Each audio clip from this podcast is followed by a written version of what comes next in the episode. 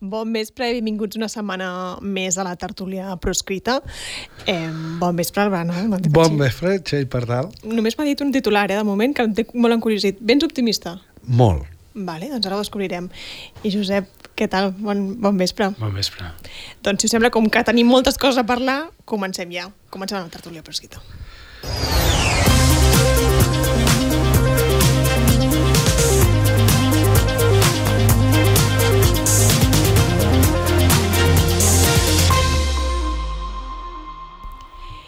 I comencem amb que Pedro Sánchez ja és president del govern espanyol eh, i avui ho parlàvem a, a, a la redacció de VilaWeb de si ens ho haguessin dit fa uns mesos, no ens ho haguéssim cregut. És a dir, si ens haguessin dit fa uns mesos que, que no governaria el PP de Feijó amb Vox, és a dir, després de les eleccions municipals, crec que molt poca gent ens haguéssim cregut que, que estaríem en la situació actual.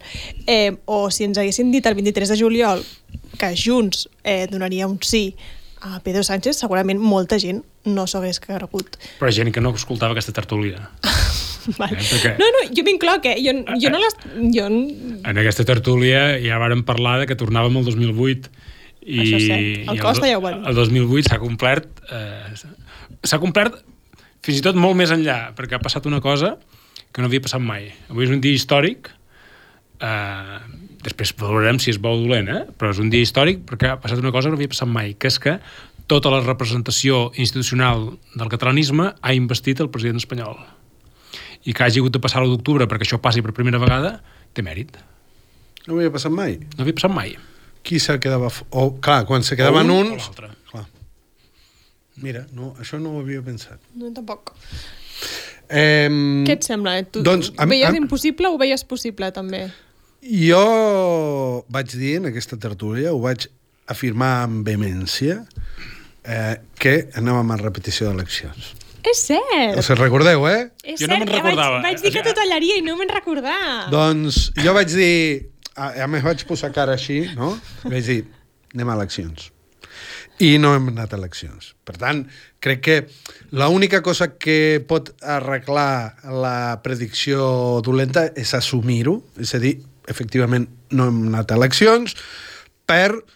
I crec que hi havia molta gent d'acord amb mi, amb, amb aquesta... De, de, de dir, no, no, no anirem a eleccions perquè és molt difícil que s'arribin a una sèrie de coses, als quals finalment s'han arribat, i que hi havia molta gent que no els veia possibles. Ha passat. Uh, dit això, uh, un cop ha passat, jo crec que sobre una etapa molt interessant i, i que a mi em fa ser optimista pel que fa a, a, al moviment independentista.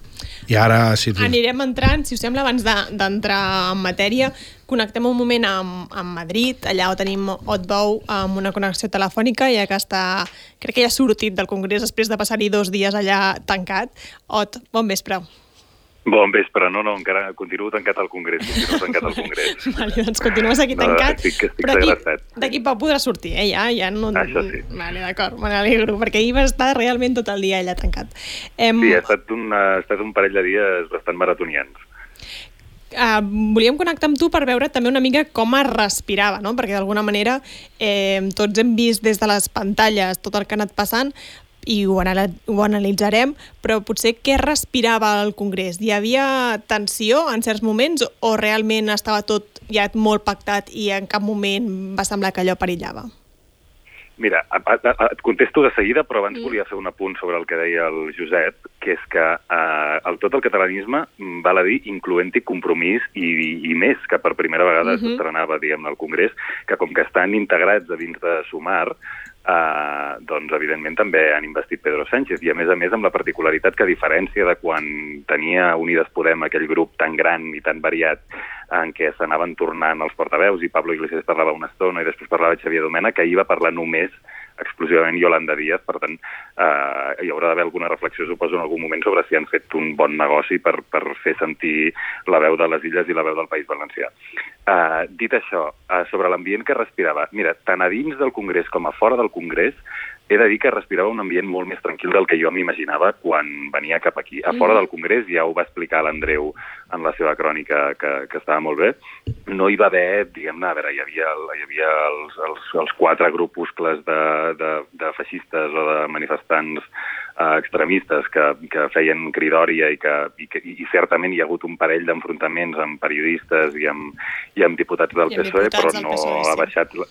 Digues, digues. No, no, que avui un diputat del PSOE eh, li han tirat ous, per exemple, no? Però, però que dintre Sí, exacte, però ha estat, diguem-ne, una cosa molt anecdòtica que no, que no, que no se'n pot fer categoria. I fins i tot ahir a la nit, que era el, el, el moment, diguem-ne, més, més calent, ja veurem què passa avui, però ja la, vaig passar un, una estona pels voltants de Ferrat i tota la imatge era com una mica decrèpita de, de gent i grups de joves, sobretot molt joves, marxant amb, amb, amb, amb banderes, eh, algunes com gairebé esfilagarçades, eh, amb, amb una certa cara de cansament. No? I pel que fa dintre el Congrés, la veritat és que eh, va ser... Jo, jo m'imaginava una cosa amb molt més de filibusterisme, amb molt més... Hi va haver-hi moments molt forts, per exemple, quan eh, Alberto Núñez Feijóo va començar el seu torn de rèplica, eh, hi va haver un moment que ell anava dient no, i tota la bancada popular cridava al- alhora no, i, i eren moments eh, que realment m'impressionen, però impressionen més per la, pel, pel volum, no?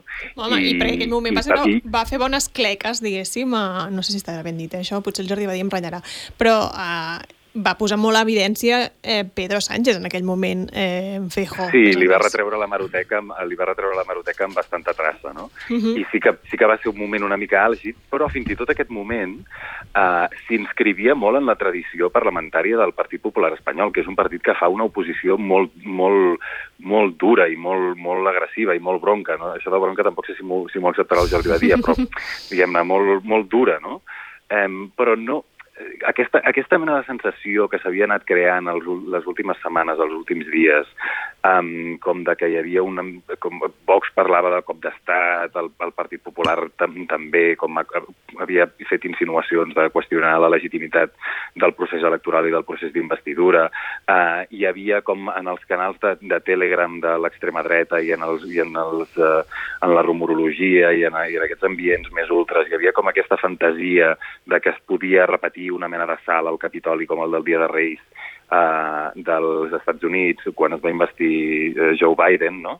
Uh, hi havia tota aquesta, tota aquesta mena de, de, de fantasieig i fins i tot uh, Santiago Pascal va portar un periodista que es diu Tucker Carlson, que avui l'ha citat Pedro Sánchez, uh, un ex de la Fox que, que havia, diguem-ne, donat molta cobertura uh, a la sala del Capitoli, no? I, i, i jo la sensació què em quedo és que d'això no n'hi ha hagut pràcticament ni rastre.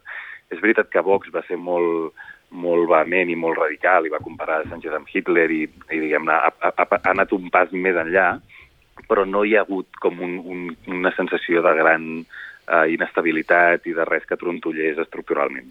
I amb els independentistes, Ot? Perquè sí que va haver-hi un moment que, que circulava, diguéssim, dins del Congrés i també fora, fins i tot alguns mitjans se'n van fer ressò, eh? De, de que Junts estaria plantejant abstenir-se, cosa que en, en cap moment es veu que va ser així, sinó que simplement van mostrar el seu desacord amb, amb el discurs de Pedro Sánchez.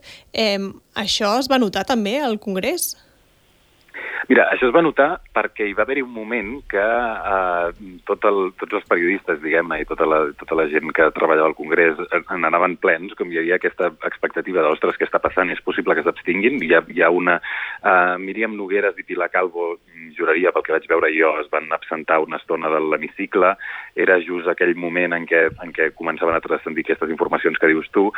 I llavors hi, hi, havia, un, hi havia un punt de, de, de, de silenci per part de, de, de, dels diputats independentistes, eh, també dels que no eren a l'hemicicle, hi havia, hi havia com una sensació com molt d'expectativa, no? Eh, però no, no, no sembla...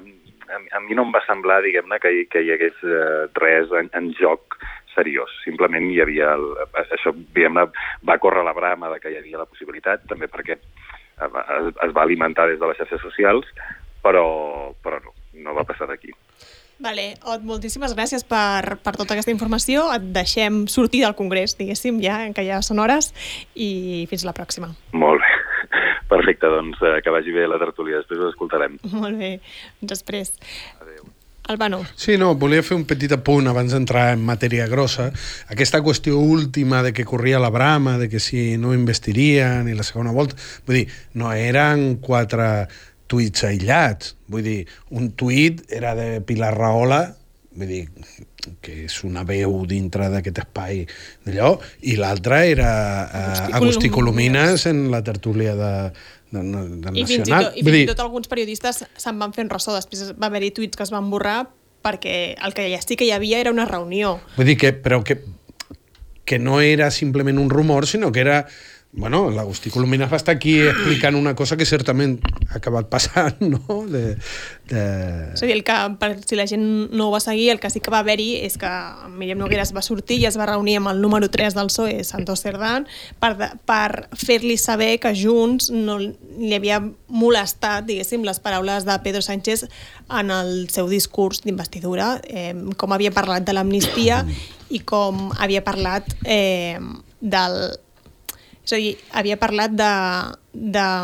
no havia parlat de negociació, sinó de diàleg, no? Quan l'acord Bueno, de i Junts tota la parla... qüestió del perdó i Tota tot això, que al final el que, el que deixava clar, després pot haver-hi la, diguéssim, la rectificació, no? després quan Sánchez surt després de la intervenció de Míriam Noguera surt com més, més atemperat, no?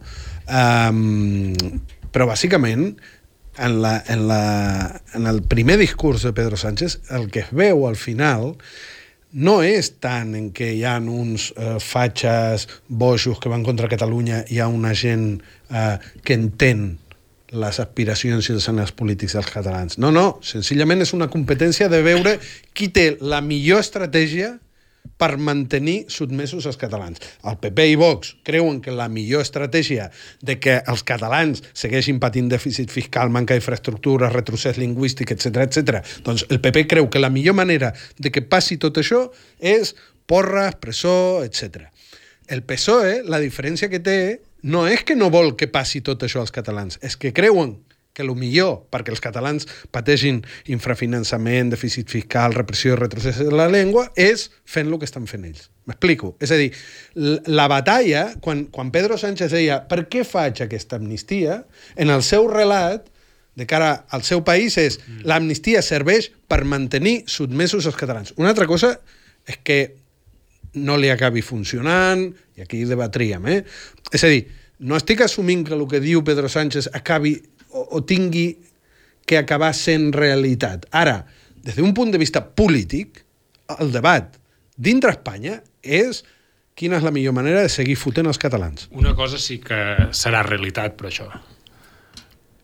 Que és que la, aquesta justificació de l'amnistia és la que votarà tothom. És a dir, no és només el discurs d'en Pedro Sánchez, és la justificació político-jurídica, l'exposició de motius de la llei d'amnistia que els independentistes la votaran i que sortirà publicat en el BOE. Per tant, és el relat compartit per tots els que votaran la llei d'amnistia en la seva tramitació i la seva aprovació. Després entrarem amb, amb l'amnistia més tard, diguéssim, per, per intentar entendre bé aquesta llei d'amnistia i per intentar entendre, entendre el que ara deia el Josep, no? D'aquest preàmbul, sobretot, que, que fa aquesta llei. Però, si us sembla, abans de- d'entrar més endavant, escoltem un moment Míriam Nogueres i aquest to de veu que deia l'Albano de molest amb el que deia Pedro Sánchez. Amb nosaltres no provi de temptar la sort, perquè no li funcionarà. El seu discurs no ha estat un discurs valent. Seré clara, senyor Sánchez. Està vostè disposat a abordar el tema català de manera directa, tal i com estableix l'acord que han signat? El que és veritablement disruptiu és també que se'l reconegui com el que és, un conflicte històric i polític entre dues nacions. Que per primer cop es plantegi en un acord polític una llei d'amnistia que acabi amb la repressió judicial i que es pugui plantejar un referèndum d'autodeterminació com una de les propostes per resoldre el problema de fons que, com molt bé hem convingut escriure en l'acord polític, continua sense resoldre'l. la meva sensació era que, que des de... És a dir, que després va sortir un Pedro Sánchez un, amb un to una mica diferent després d'aquest discurs de Míriam Nogueres. La vostra? Bé, jo crec que necessàriament hagués dit el que hagués dit Míriam Nogueres, eh, Pedro Sánchez dirigint-se a ella havia de tenir un to diferent del que tenia parlant a la seva parròquia. És a dir, quan fa el discurs eh, principal es dirigeix a la seva parròquia i, a, i al conjunt dels ciutadans i dels diputats i després quan has de guanyar el vot intentes trobar els punts de els gestos i els punts de, de complicitat amb el, amb el que estàs debatent, no? És això en el debat parlamentari eh, és perfectament previsible, no? De que, de que sempre empatitzis més amb l'interlocutor amb el que estàs parlant, no? Um, jo crec que uh, aquesta, aquest discurs era inevitable, és perquè el, el, la qüestió és que, el, uh, com deia ara en Albano, el discurs d'en Pedro Sánchez és molt, molt dur de, de, de, de pair per un independentista. És a dir, escoltar aquest discurs i, que, i, i després votar-lo és dur, és dur, i, i el, potser la novetat és que ara ho hagi d'entomar en Míriam Nogueres, però Esquerra Republicana porta 4 anys menjant-s'ho. I, I jo no sé, eh, aquesta és la, la, la, la meva impressió, eh? però jo no sé si no trobaríem alguna intervenció parlamentària d'en Rufián amb el mateix to que en Míriam Nogueres ahir. És a dir, jo record algun incident d'aquestos en què en Rufián dient és que si no, no hi haurà legislatura. Va, va, bueno, va, haver, va haver una enganxada molt gran entre en Rufián, en Pedro Sánchez i en Pablo Iglesias, us en recordeu? L'hauríem de buscar, però va haver un dia que en Rufián es va agafar tots dos i es va dir, vosaltres, espavile... ara no recordo, però sí, és veritat però, que... Vull dir, aquest, aquest uh, discurs de dir si no feu el que diem no hi haurà legislatura, jo ho he sentit en boca d'en Rufián, això. De fet, ahir mateix ho va, és a dir, amb altres paraules, però també ho va dir. Potser menys firmesa que Nogueres, més menys amb la retòrica una mica diferent, però, però sí que ho va dir. Aviam, hi ha una qüestió que és evident i que no és una opinió, senzillament són uns fets, que crec que hem d'acabar hem d'acabar aterrant a la política catalana perquè és, és nou, és nou, igual que tu deies abans que era nou que tots els uh, partits uh, catalanistes fotessin el, el... És nou, en aquests últims anys que eh, Esquerra Republicana i Junts comparteixin un fet que és que estan negociant amb el PSOE. Òbviament, després, aquí eh, els uns i els altres s'intentaran diferenciar en quines són les seves estratègies de negociació amb el PSOE. I segurament ja ho, veurem, final... ja ho veurem perquè Junts ha acabat de començar, però és molt probable que siguin diferents. Però acabo. Eh, ara bé, la, la novetat és que tots dos estan eh, fent front al mateix desafiament, que és negociar amb el PSOE. Aviam com se'n surten i segurament serà diferent, però és nou i és nou en l'escenari català i, i, i de com hem d'analitzar les coses, de que ara la Míriam i en Gabriel estan intentant fer el mateix, però intentar-ho fer bé. Doncs ve, veiem com això evoluciona. Al principi jo deia, i ho deixo, i, eh, em sembla que això pot ser positiu pel moviment independentista. Que, jo crec... que, que tots dos negociïn. Que Després, després parlem. Vale. No, no, és que no volia... volia, no, volia que... que T'he interromput abans. Uh, la paradoxa és que el governet que tenim a la Generalitat uh, uh, té 33 diputats, uh, és la minoria més minoritària que ha tingut mai la presidència de la Generalitat, i allà està, no? I vés a saber quan durarà. I eh, no deixa de ser una certa ironia que ahir, amb la investi... eh, ahir avui, amb la investidura espanyola, s'hagi implementat la via àmplia aquesta que venia Esquerra Republicana, no? És a dir, al final tens un quatripartit PSC, Comuns, Esquerra i Junts. No? És a dir, el, el, el, aquest, aquesta via àmplia que defensava en Pere Aragonès quan sí, va... a Madrid se dona... A Madrid es dona i aquí no. I, i, i bueno, la, la política de proximitat, la política de proximitat és més complicada. Jo clar. crec que és la política irrellevant més que la de proximitat. És a dir, com que el Parlament de Catalunya malauradament no es decideix res, sinó que ara, com que tots els partits independentistes s'han sotmès a Madrid i s'han sotmès a la política espanyola, ara les decisions es prendran a Madrid i la política catalana es farà a Madrid. Però deixa de ser curiós que això eh, vagi amb aquest quadripartit de facto, eh, eh, que també és inèdit, és absolutament inèdit. Eh, deia abans l'Albano, eh, Esquerra no, donava la benvinguda, diguéssim, en aquesta manera de negociar a Junts i, i, i ho feia Gabriel Rufián ahir al Congrés. Així. Sí, señor presidente. Capacidad para obligarle. Nosotros hoy aquí tenemos capacidad para obligarle.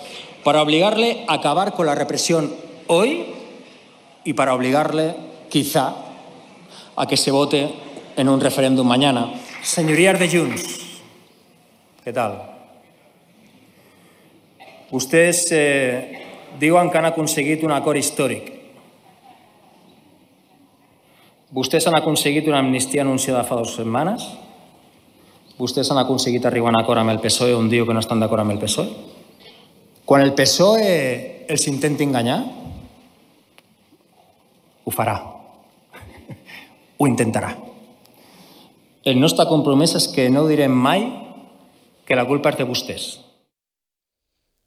A mi em sembla fort que digui quan els socialistes l'intentin enganyar, que ho farà, i ho digui allà tranquil·lament. Però, bueno, a part d'això, què us sembla aquest advertiment de Gabriel Rufián que ahir va fer a Miri Parla per experiència. Clar.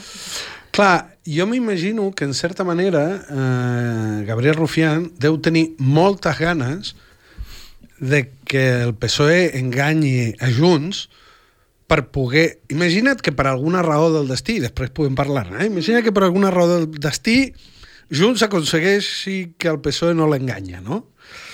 Clar, o sigui, els d'Esquerra han, han, és que fins i tot han d'anar a, a Pedro Sánchez a demanar-li, sisplau, que enganyi Junts, perquè si no ells queden com uns pargueles, no? Aquesta, aqu- aquesta intervenció, aquesta, diguéssim, ara no me surt la paraula, bé, eh, això de dirigir-se Junts per dir-li això us passarà, és a dir, jo abans deia, ara Junts i Esquerra estan en el, en el mateix plànol en el sentit de que són dos partits que s'autoreclamen independentistes que estan negociant amb el PSOE. Això és un fet, no és una opinió. Ara bé, la següent part de l'equació és eh, Junts farà el mateix que Esquerra Republicana, Junts se'n passarà els mateixos gripaus que Esquerra Republicana. És molt difícil imaginar-se que no ho acabi fent, però mentre no ho hagi fet, sempre hi ha aquell punt, i per això jo crec que Rufián es vol avançar i dir tranquils, que us en passareu tots els gripaus que us hem, hem passat, que ens hem passat nosaltres un darrere l'altre. I, I clar, és curiós perquè en teoria, pel bé del moviment independentista, Rufián hauria de desitjar que a Junts li vagi molt millor en la seva negociació de lo que el- els hi ha anat amb ells. Òbviament això no pot passar i òbviament és molt difícil que a Junts li vagi d'una altra manera que li ha anat a Esquerra, perquè el PSOE és el que hi ha, però, però em crida l'atenció per no parlar, curiosament, el- el- l'ús de la llengua depenent de qui, de qui et dirigies, no? Bueno, hi ha hagut moltes crítiques, Però no? bueno, això és, no, no vull entrar perquè havia dit que avui havia vingut eh, positiu i no, no, No, vull... jo crec que... És a dir, aquí en, en, en Rufián fa, es fa l'espavilat perquè ell té un màster de ser enganyat pel PSOE. Clar, però és molt trist, aquest... Bueno, però, però, escolti'm, com que no pot exhibir res més, diu, escolti'm, jo tinc galons, jo tinc experiència de ser enganyat pel PSOE, entenc més que vostè. I, i d'alguna manera, eh, potser li estava... Eh, és a dir, eh, eh, és una mica com dir-li eh, vostè avui està emprenyada perquè no li agrada el discurs d'en Pedro Sánchez, Ja veurà... Tranquil·la. paciència, agafis un calma, que li farà un cobriment, perquè això serà quatre anys, d'això. Eh, vull dir, eh, Esquerra i Junts són dos partits diferents. I han arribat a dos acords diferents amb el PSOE. Però Pedro Sánchez només n'hi ha un. Ja. És a dir, i discurs d'investidura, jo crec que ja ho havíem comentat aquí, Sí. discurs d'investidura només n'hi ha un. I preàmbul de la llei d'amnistia només n'hi ha un. I si s'arriba mai a fer un traspàs de rodalies, només n'hi haurà un. I Esquerra i Junts votaran les mateixes lleis, votaran les mateixes eh, proposicions no de llei i al final acabaran donant suport a un govern espanyol que només n'hi ha un. I poden competir molt entre ells. Poden eh, dir eh, jo he aconseguit més, tu has aconseguit menys, però al final els dos estan al mateix vaixell. Val. Els dos són satèl·lits del Tu- PSOE. Ho vàrem dir aquí. El risc de la satelització de tot l'independentisme respecte al PSOE s'ha consumat. Ara, Junts i Esquerra són els dos satèl·lits del PSOE en, la, en el sentit que eh, davant hi ha PP i Vox i que no poden deixar caure eh, Pedro Sánchez, no poden deixar caure el govern del PSOE, perquè aleshores tot el que han aconseguit negociant amb el PSOE, que de moment és l'amnistia, eh, no es compliria. Bueno, i que l'amnistia obliga també a deixar un marge bastant ampli, perquè no s'aprovarà en un mes l'amnistia. Vull dir que serà un procés Correcte. eh, llarg. I, I com a mínim, mentre duri aquest procés...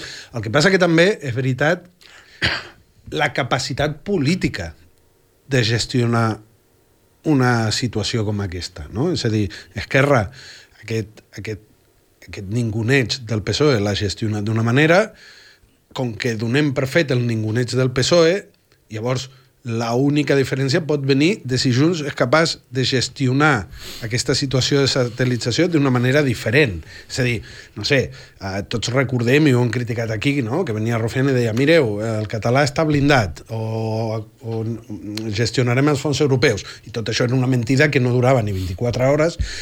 Eh, Bueno, ara... t- també ens han venut alguns entorns eh, que eh, el dia 19 de setembre el català seria oficial perquè es cobrava per avançat. Per tant, eh, I ahir s'hi van dedicar un parell de minuts. Sí, 5 minuts. puc dir perquè sóc optimista? Estic esperant-ho Tots ho estan desitjant ja. bueno, podem deixar per l'últim minut a veure si així la gent aguanta No, no, no. no. la tertúlia. No, però... no, perquè, perquè a mesura que vaig eh, aprofundir en la tertúlia se'm va baixant l'optimisme. No, però... No, perquè just, mira, justament és, és això el que, el que crec que pot venir de positiu d'aquesta nova etapa i quan dic nova etapa dic això, que eh, ara mateix els únics dos partits independentistes que tenen representació al Congrés han agafat aquesta via d'intentar, cada un a la seva manera, veure si poden treure alguna del PSOE.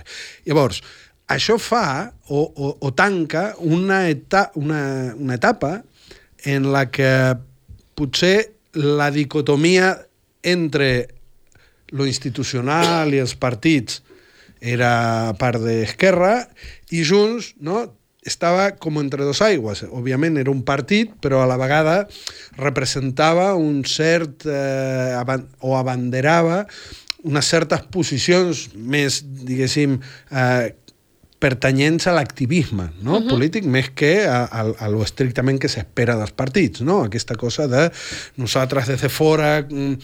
És, és lo, lo que els seus crítics deien que era antipolítica, que jo sempre he considerat que això és política pura i dura. Però bueno, independentment d'això, el fet de que, de que ara Junts intenti aquesta via de pactar amb el PSOE aclareix les coses i crec que permet que l'independentisme tal, tal i com es va concebre i tal i com va començar a funcionar en el seu moment eh, torni a estar al centre. És a dir, els partits ara fan de partits, a alguns els hi pot agradar més el que fa un o el que fa un altre, però tornem al punt en, en què els partits estaven fent de partits i la gent torna a pressionar. És a dir, eh, ara hi han els partits i els activistes. I jo crec que això eh, aclareix molt les coses i, i ens permet tornar a fer o a plantejar-nos com a activistes, com a, com a part d'un moviment...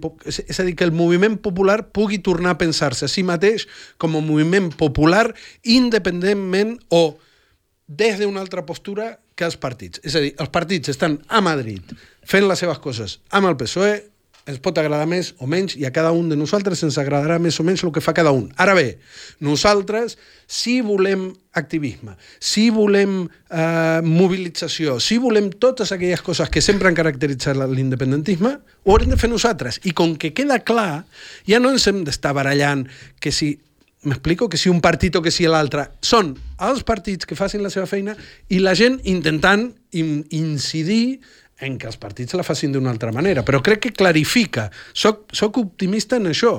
És que el, els activistes i la gent del moviment independentista de base i tots ens estaven barallant per veure qui tenia raó, si Esquerra o Junts, i ara, escolta'm, eh, des d'un punt de vista concret, que és l'assumpció de la negociació amb l'Estat, estan en el mateix puesto. I la resta no. I per tant, hem de treballar com va treballar l'independentisme. tenim un nou debat, però. És si hem de fer un partit d'activistes. Clar, anava a, dir, anava a dir, el problema és que ara l'Assemblea que és l'activisme en principi, diu que es vol presentar, per tant també jugarà, un, també jugarà Perfecte, als em, partits. em, em dones l'oportunitat perfecta per dir que ara parlo, bueno, òbviament parlem aquí a nivell personal i tal, quina mandra sortir de lo que estava dient jo ara per entrar en la quarta llista famosa me fa una mandra estratosfèrica, em sembla molt bé i em sembla molt interessant que el país estigui viu i que hi hagi gent pensant quarta, cinquena, sisena, setena llistes, da igual. Ara, hòstia, alliberem-nos d'una vegada de només pensar la política d'aviam qui es presenta, qui no es presenta, qui pacta amb no sé qui. Hòstia, la gent que va fer Arenys damunt, la gent que va organitzar eh, tantes i tantes coses que han fet del moviment independentista un moviment dels més potents d'Europa, hòstia, si ho van aconseguir potser era perquè, perquè per un moment, i això en Josep ho explica molt bé, al final em, em, la gent, en comptes de posar-se a fer partits, la gent va fer política. I els partits van haver d'anar a remolc de la gent. Em fa l'efecte que aquesta clarificació de les coses ens ajudarà a tornar, o espero que ens hagi de tornar. Si ara el debat comença a ser quina és la quarta llista famosa, em semblaria una, per, una oportunitat perduda. Crec que ens convidaran, des de molts eh, sectors del poder, ens convidaran a limitar el nostre debat, i quan dic nostre dic dels que no participem en moviments polítics, com que a les estructures de poder els hi fa por la gent pensant, pensant autònomament, és molt probable que ens convidin a que, com que ja no debatim sobre les baralles entre Junts i Esquerra, que ara debatim de veure si hem de posar un nou partit o no l'hem de posar. Insisteixo, és un debat que em sembla sa democràticament, però jo crec que seria un error molt greu suplantar el debat de la, la batalla entre Junts per Esquerra a canviar-lo per la batalla d'un quart espai o no. Hosti, deixem de fer el primo. Fem que- de ciutadans, fem de ciutadans que posen les peres a quartos als seus polítics, siguin del primer, del segon, del tercer o del quart espai. No, jo crec que eh, hem de recuperar una mica el, el sentit de com es fa la política. I la política, el, quan ha funcionat, quan ha anat bé l'independentisme, ha anat de baix cap amunt. I eh, si no ho fem així, no, no ens en sortirem. Uh, I jo crec que el, el, hi ha una situació nova, uh, hi ha una situació que hem de reflexionar uh, profundament sobre com hem arribat aquí com en sortim, uh, quina és la solució, i jo estic completament d'acord amb tu, ho he dit mil vegades, jo crec que no sorprendré ningú. Si, si algú es pensa que la situació en aquesta nova, uh, aquest nou escenari uh, és fer un nou partit, uh, és que s'equivoca rotundament.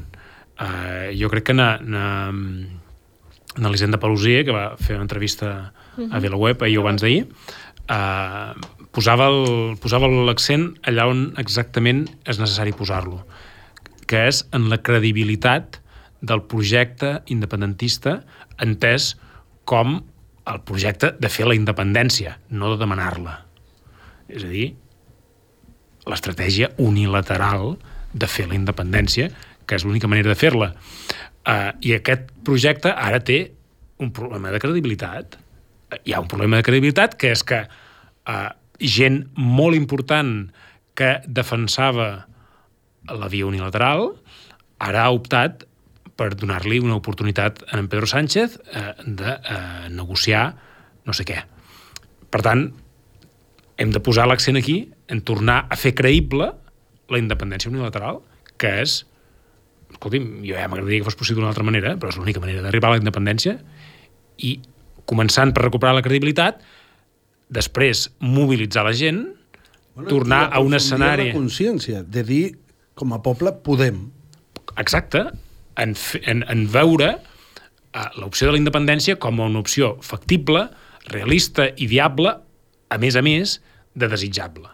Que això ho deia l'Elisenda, no? Que, que, el, que ara mateix, el, no me'n recordo exactament el percentatge, ja el puc buscar ara, però que havia baixat moltíssim el percentatge de gent que creia possible la independència, que no era gent que no fos independentista, sinó que, malgrat ser independentista, ja no ho veia possible eh, veure-ho. Bueno, perquè han desaparegut durant, durant els últims anys han desaparegut moltes veus que intentaven pensar i explicar i compartir la possibilitat de, de la independència. Per tant, si les veus que ho defensen desapareixen, i no només desapareixen, sinó que moltes són silenciades directament, doncs, eh, efectivament, molta gent, si mira al seu voltant i no veu a ningú defensant una cosa, deu, vull dir, a, a, la quantitat d'arguments disponibles en el debat públic en favor d'aquesta opció, de la possibilitat de fer la independència, doncs la quantitat d'arguments baixa. Per tant, si cada cop hi ha menys arguments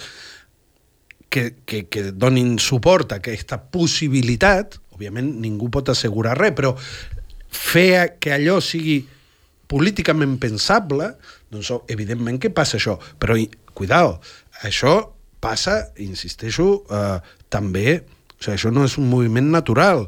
Hi ha, primer, un, una desaparició per, per autoinducida d'aquestes veus i després hi ha un treball eh, en els mitjans de comunicació d'haver apartat a tothom que, o, o aquelles veus, o aquelles línies editorials, o aquelles opinions que explicaven per què sí que era possible. I aquí sí que hem de, de, de mirar al front al, al fet polític en si.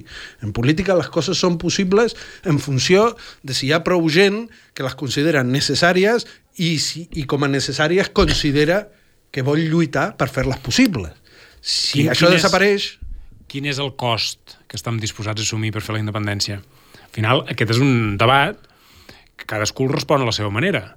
És dir, quan un partit polític decideix que renuncia a la via unilateral i que l'única via per eh, arribar a la independència, segons ells, és negociar amb Espanya, està dient-li a la gent que no està disposada a assumir costos. I si i, i al final eh, la, la tendència o la aversió a assumir costos eh, és una cosa que, se, que, que, es, que es va encomanant. Si tothom assumeix costos, eh, és molt més fàcil repartir-los i són molts menys. Si hi ha molt poca gent que està disposada a assumir els costos, cada vegada n'hi haurà menys. Perquè la gent, escolti'm, si el meu veí no pren riscos, si el president no pren riscos, si els diputats no prenen riscos, si els empresaris no prenen riscos, si ningú pren riscos, per què carai els he de prendre jo? Uh -huh. eh, eh, això és una tendència que des de l'1 d'octubre venim, eh, eh, d'alguna manera, eh, patint. Val, però la bona notícia, la bona notícia són, són dues, la bona notícia. Notícia bona número 1, que a l'octubre del 17 i, i abans eh, es demostra que una societat com la catalana pot tenir un gran nombre de persones disposades a assumir riscos molt alts. Uh -huh. Això ho vam veure. És a dir, per què? Perquè avui estem sentint, i ho he sentit eh, de, de dirigents de diversos partits, que intenten justificar les seves accions, que són legítimes com a partit polític, de dir, nosaltres, o sigui, li donen la volta, dir, nosaltres fem això perquè la gent no està disposada acceptar riscos, i com que no estan a posar, eh, eh, disposats a acceptar riscos, nosaltres tampoc farem res que pugui portar a situacions de risc. Saps Però què? és justament al Saps revés. Que pleguin. Que Ah. són ells que no estan disposats Per això, a per això, per això. Són ells que prediquen amb l'exemple de que no s'han d'assumir riscos i, per tant, són la nosa en aquest moment. Per això. Que pleguin. La-. Si no estan disposats a assumir riscos els que estan davant, que pleguin ells els primers. Que la gent, assumi... lògicament, assumirà els riscos en funció de que el país, en el seu conjunt, socialitzi aquests riscos. Clar. Perquè al final, eh, a veure, si tu desobeeixes sol, eh, eh, eh, la repressió mm, bàsicament et caurà damunt. Eh, si desobeeix tot el país, com va passar l'1 d'octubre, ningú no poden perseguir ningú, tenen milers i milers i milers de, de, de números de document d'identitat i de noms per acusar la gent d'haver desobeït eh, amb el referèndum i no han pogut perseguir ningú perquè no cabrien tots els acusats ni en 40 camps de futbol. Per això, la, bon, la bona notícia és que ja hem vist o sigui, quan ells ens diuen no, és que la gent no assumeix riscos, perquè això ho he sentit així de vegades. No, perquè la gent viu massa bé com per assumir riscos. Escolta'm, el 2017 jo vaig veure gent que vivia molt bé assumint i riscos. assumint molts riscos. Per tant, a, aquest cuento eh, autojustificatori és mentida, no s'aguanta. Per què? Perquè la gent eh, eh, va demostrar que en aquest país hi ha molta gent disposada. Ara, és veritat, la gent està disposada a assumir riscos si és a partir d'un projecte eh, seriós. Pues, justament haurà de ser la gent la que construeixi la, seri la seriositat que sigui exigent amb els partits. Insisteixo, que surtin partits, que surtin. Ara, mentre eh, vagin sortint, la gent haurem de treballar en, en, en la part d'entendre i de reconstruir la confiança i, i d'encomanar la valentia, que en aquest país està. Jo la setmana passada parlava amb una persona que m'explicava, una persona jove, una persona eh, amb fills petits, una persona amb una situació socioeconòmica mitjana alta, diguéssim, vull dir, no. Explicant-me com a l'octubre alguna vegada havia marxat de casa acomiadant-se de les seves filles, assumint internament que s'anava a córrer una sèrie de riscos que podien fer que no tornés a casa. I, i m'ho explicava, ja te dic, fa 10 dies, una persona en una situació que tu no ho diries, que havia assumit aquest, aquest, aquest, aquesta molt, idea. És que molta gent va assumir aquests riscos al 2017, però perdonem, bueno, al 2019 també molt, molt joves van assumir aquests riscos. Anant a les manifestacions sabent que tenien amics que estaven a Això continua sent. El 2021, quan va haver-hi Pablo Hasél, molta gent va sortir al carrer sabent que hi havia una repressió i que, per cert, aquesta gent no entra en la llei d'amnistia i, per tant, la gent continua assumint riscos dia a dia. Ara, assumir riscos per què? Perquè proveu una llei d'amnistia, doncs, aquest risc no l'assumiran. Hi ha una cosa que uh, hem sentit en el, les intervencions del, del Congrés d'ahir, algú ha dit que s'ha acabat amb la repressió.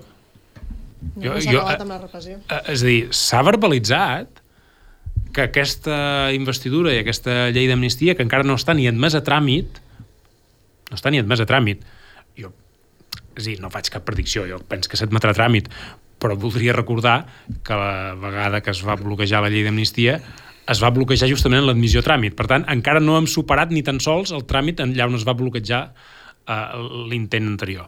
Uh, però això... L'única que aquesta vegada la signen els socialistes. Efectivament, sí, dir, jo no estic sí. fent cap predicció. jo crec que aquesta vegada... Que hi ha petit diferència tenen en aquest majoria cas. a la mesa. Tenen, tenen majoria a la mesa i jo crec que sí que la tramitaran. No, per tant, volia, volia precisar això, però vull dir que encara ni tan sols el, els partits que han investit en Pedro Sánchez no han cobrat ni l'admissió a tràmit de la llei d'amnistia. Uh -huh. I, quan sembla ser que la petició era que havia estat aprovada abans de la investidura. bueno, això, el més important de tot plegat, és que si la llei d'amnistia s'arriba a aprovar i si la llei d'amnistia s'arriba a aplicar, eh, ja no està vigent. És a dir, avui ja no aplica. La repressió avui és la mateixa que fa un any, que sí. fa dos anys, que fa tres anys. L'amenaça repressiva segueix sent exactament la mateixa. Per tant, no s'ha acabat amb sí, la repressió. és retroactiva, però no és proactiva. Bueno, és a dir, de cara endavant... Bueno, de fet, la llei Mordassa entenc que continua en la vigor. La llei Mordassa continua en vigor i, i el Codi Penal continua en vigor. No han corregit res. Per tant, qualsevol dels fets amnistiats segueixen sent delicte. I qualsevol persona... Bueno, però va haver-hi la reforma que... Va, la reforma del Codi Penal, que va eliminar la sedició i va mantenir la malversació tal com estava. Uh... O sigui, convocar un referèndum com el de l'1 d'octubre, ara, des d'un govern... A veure, el, el Codi Penal ja no estava penalitzat convocar un referèndum. No. Um... Sí, els jutges ho podrien interpretar igualment com Bueno, no sé si ja toca parlar d'amnistia. Sí, sí, toca, toca. Però... Bueno, de fet, ah. sense... Se'ns està, se acabant. Uh... Bueno, però jo crec que és molt important lo que, de veritat, jo crec que estem en una bona nova etapa. Jo crec que li hauríem de dedicar temps, entre altres coses, perquè jo sé que aquí continuarem parlant de lo que fan els polítics i tot això, perquè, òbviament, ho hem de mirar, i... però és que crec que justament la gran notícia és tot el que passarà més enllà. Perdó, ja està. No. Eh, de la llei d'amnistia estàvem parlant. De, la llei d'amnisties eh, s'ha de tenir present això, que la seva vigència, els seus efectes, acaben el dia 13 de novembre, que és el dia que es registra el Congrés. I, per tant, ara, a, a qualsevol de les conductes que estan incloses en la llei d'amnistia, si les repeteixes, si ho tornes a fer, eh? és a dir, aquest, eh, aquesta, aquest lema, si ho tornem a fer, eh, ens cau la mateixa pena que abans de l'amnistia. El, perquè, i, una, perquè les lleis no han canviat, només hi ha una, diguéssim, un passar pàgina de totes les causes pendents, eh, I, però el problema de fons segueix sent el de sempre, que és que aquí manen els jutges i qui interpreta les lleis són els jutges. I qui decideix si les lleis són vigents o són inconstitucionals o són nules o, o el que sigui, és el són els jutges. No el I PSOE. jutge no n'ha canviat ni un. Ja. El PSOE controla, sembla ser, el Tribunal Constitucional. Però controla el Tribunal Constitucional, per exemple, amb un ministre de Justícia que l'han nomenat magistrat del Tribunal Constitucional que va redactar els indults i que va posar per escrit en els seus informes que l'amnistia era inconstitucional. No sé, que aquest magistrat ara seguirà dient el que deia abans o canviarà d'opinió o el recusaran directament per dir-li que està absolutament contaminat per discutir sobre això. Què vull dir? Que uh, uh, l'amnistia no és la solució política de res. És la solució personal, jo ho vull dir molt clar, si s'arriba a aprovar, si s'arriba a entrar en vigor, jo, totes les persones que se sentin beneficiades per l'amnistia, me n'alegraré molt per ells i me'n felicitaré que s'hagin acabat patiments personals, que s'hagin acabat a, a circumstàncies injustes. També dic, eh, com a nota a peu de pàgina, molt personal, jo em sent perjudicat per l'amnistia, en el sentit de que es carrega la meva lluita com a, a, a persona que s'ha centrat en el front judicial. Eh, dit això, l'única amnistia que funcionaria eh, ens situa fora d'Europa, per dir-ho d'alguna manera, perquè seria canviar els jutges. És a dir, l'única amnistia real seria tancar l'Audiència Nacional. Seria acomiadar tota la sala segona del Tribunal Suprem, que són tots fatxes rematats. Eh, I això no pots fer. És a dir, és a dir el, govern, el govern no pot canviar els jutges, tancar els tribunals, Una revolució, no? Només. per, perquè això, en el marc de la Unió Europea, això eh, és Polònia. Eh, eh, saps? Vull dir, eh, És a dir, no el pots govern fer. no pot, no pot canviar els jutges, però pot canviar les estructures actuals? Sí. És a dir, per exemple, una audiència nacional, una Això audiència parlat, espanyola no? que diem a, a VilaWeb, eh, és una estructura que ve del franquisme. Això no ho podem acabar. Les lleis ho per, en realitat ho permeten. És a dir, una, eh, eh, el PSOE de, hauria de voler-ho fer, és a dir, eh, ja, ja. el PSOE s'ha beneficiat molt de l'audiència espanyola, eh? és a dir, no, no, no, està només en mans del PP, l'audiència espanyola. Eh, dit això, eh, jo crec que si tu fas un pacte polític, ara imaginem-nos que eh, eh, arran de la, de la causa aquesta del tsunami que van imputant a Marta Rovira, a Carles Mhm. Puigdemont, etc etc, de terrorisme, enmig de la negociació política, que era, evidentment, un torpè de la negociació. Que estava clar que, que, sabia, que bé s'havien llegit la, llei de, la Exacte. proposta de llei d'amnistia i Que que sabien sabien tota quines excepcions no entraven. Tu ara imagina't que la reacció política de PSOE i Junts, o de PSOE, Junts i Esquerra, és posar a la llei d'amnistia una disposició final que digui es suprimeix l'Audiència Nacional. Això, a Europa, escandalitzaria una mica. Encara, encara que estigui perfectament ju justificat No i que tothom... posar-ho dins de la llei d'amnistia, eh? diguéssim. M'imaginava com... o posar-ho en el pacte polític, firmar, eh, posar-ho per escrit, que el pacte Sí. polític de la investidura d'una persona, eh, unes persones perseguides per, la, per un tribunal concret o per l'Audiència Nacional en concret, que el pacte polític pogués consistir en suprimir aquell tribunal. Que aquell tribunal no hauria d'existir fa 40 anys, cert, però que això sigui el resultat d'un pacte polític eh, per investir un govern, això eh, jo estic segur que a Europa és molt difícil de defensar. No, però, per exemple, no en el pacte polític. O sigui, Però sí, un que hi ha, pa- sí que hi ha unes comissions no, que s'hauran de fer en aquest congrés. Si, la, si les, les conclusions finals d'aquestes comissions surt que hi ha un tribunal que, no està, que està fent l'ofer, per exemple, constantment i que s'hauria d'acabar això, això sí que eh, tindria sentit que llavors el congrés decidís a fer una llei per, per fer aquest canvi. El, el problema de fons, des del meu punt de vista, eh, és no admetre la premissa bàsica, que és que Espanya és irreformable. Per què? Reformar la justícia no són bromes. És a dir, com pots tu reformar el sistema judicial? Si no és a través d'un gran pacte de consens polític de tot l'espectre. És a dir, si és, si és una reforma del sistema judicial d'una part del, del sistema polític en contra de l'altra part del sistema polític, això és absolutament indefensable. És a dir, perquè es vol dir que estàs substituint un poder judicial de dretes per un poder judicial d'esquerres. I això eh, eh, és indefensable a, a Europa. Eh, Per tant, el que, bueno, evidentment és indefensable tenir un, una justícia franquista, Però substituir-la per una justícia socialista no s'aguanta per enlloc. Per això he dit que Espanya no té remei. I, i, i- que tot això són... PSOE. Tot això són pedaços. A veure, és que, és que clar, el Tribunal Constitucional han tret els jutges eh, fatxes i han posat eh, uns jutges amb carnet del PSOE. I, I vull dir que són menys independents que els que hi havia abans. I per tant, su, su, substituir la politització de la justícia sacrificant la independència de la justícia, sotmetent-la en el poder polític, això és un problema molt greu. I, Sí, aquestes majories... Per tant, no té remei. És la, això les no grans té majories, remei. els grans consensos per tenir un sistema judicial millor No existiran mai. no existiran mai perquè, perquè hi ha un, un... Vull dir, Es- Espanya, per la seva existència, necessita aquest sistema judicial. Bueno, el que eh, tenim. Bueno, el que tenen. so- Bueno, el que per tant- patim. per tant- el que patim. Benvinguts a la conclusió de que Espanya és irreformable. És a dir, no ho sé, ja ho sabíem. Josep, entenc que, que t'has llegit la llei. Jo i l'Albano... Bueno, jo també me l'he llegit, Albano, no sé si tu, la llei d'amnistia, però l'haurà entès més ell que tu i jo, crec. Segurament, Perdó, eh? segurament, ostres, eh, Txell, m'has deixat... Mira que porto dues setmanes llegint-me el pacte d'Esquerra, el pacte de Junts, Però- la... Per, Bueno, Me- M'esteu fent llegir massa, m'agrada llegir altres coses. Perdoneu, no, La- jo no, aquí no, no, jo no perdó, volia- perdó. Sobre la llei d'amnistia m'he llegit els magnífics resums que es poden trobar a Vilaweb. Eh, que he quedat bé ara? Però no, no, és a dir, eh, no, no, no ho plantegem així. El dir, preàmbul sí que... eh, eh, la, el coneixement jurídic eh, no serveix per res en tot això. És a dir, la meva conclusió és que la llei d'amnistia...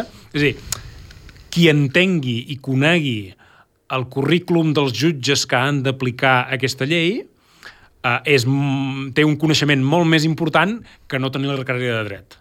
Eh, crec que m'explic. I que el que digui la lletra... El que digui la llei eh, realment és relatiu a l'hora de pronosticar si aquesta llei s'acabarà aplicant o no s'acabarà aplicant, com s'acabarà interpretant, etc etc. Per tant, a mi, ara mateix, a banda del que digui la llei, a mi, mm, per, a l'hora de veure què passarà, eh, per exemple, el ministre de Justícia del PSOE, que ara és magistrat del, del Tribunal Constitucional, el recusaran, s'apartarà de, la, de la deliberació sobre la llei d'amnistia o votarà eh, en, el, en els recursos, en la resolució dels recursos. En cas que voti, votarà el que pensava en el seu moment o el que pensa ara el PSOE. És a dir, eh, eh, això és més rellevant que no tot el que pugui dir la llei d'amnistia. Jo té una... Per, perdó, eh? és que em queden 3 minuts i volia fer una pregunta, perquè crec que molta gent s'ho està preguntant.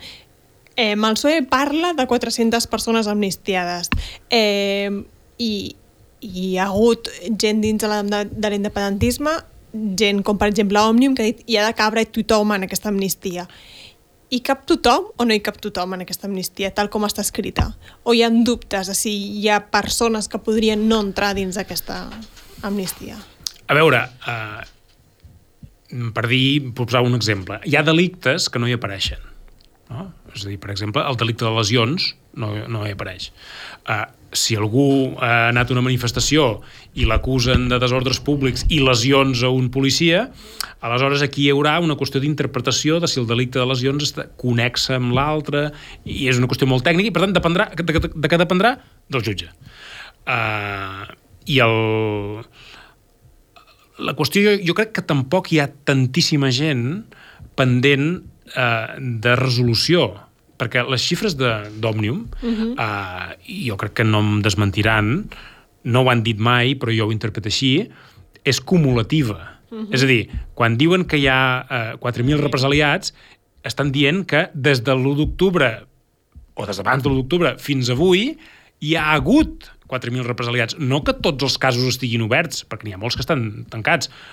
Les multes administratives, per exemple, que també sabem que no es tornaran els diners, aquestes multes estan totes pagades ja, la, immensa majoria. I, per tant, aquesta gent ja no... Sí, la llei dirà que eh, eh, s'amnistia la multa, però si no tornen els diners, de què et serveix que t'amnistien la multa? Per tant, no te'n beneficies en res materialment. I el, molts procediments judicials estan tancats. Molta gent absolta, causes arxivades, alcaldes, mm, la gran majoria d'alcaldes que varen ser denunciats es varen arxivar les causes. I jo crec que Òmnium computa totes les denúncies contra els alcaldes, però eh, cal restar totes aquelles que s'han desestimat ja.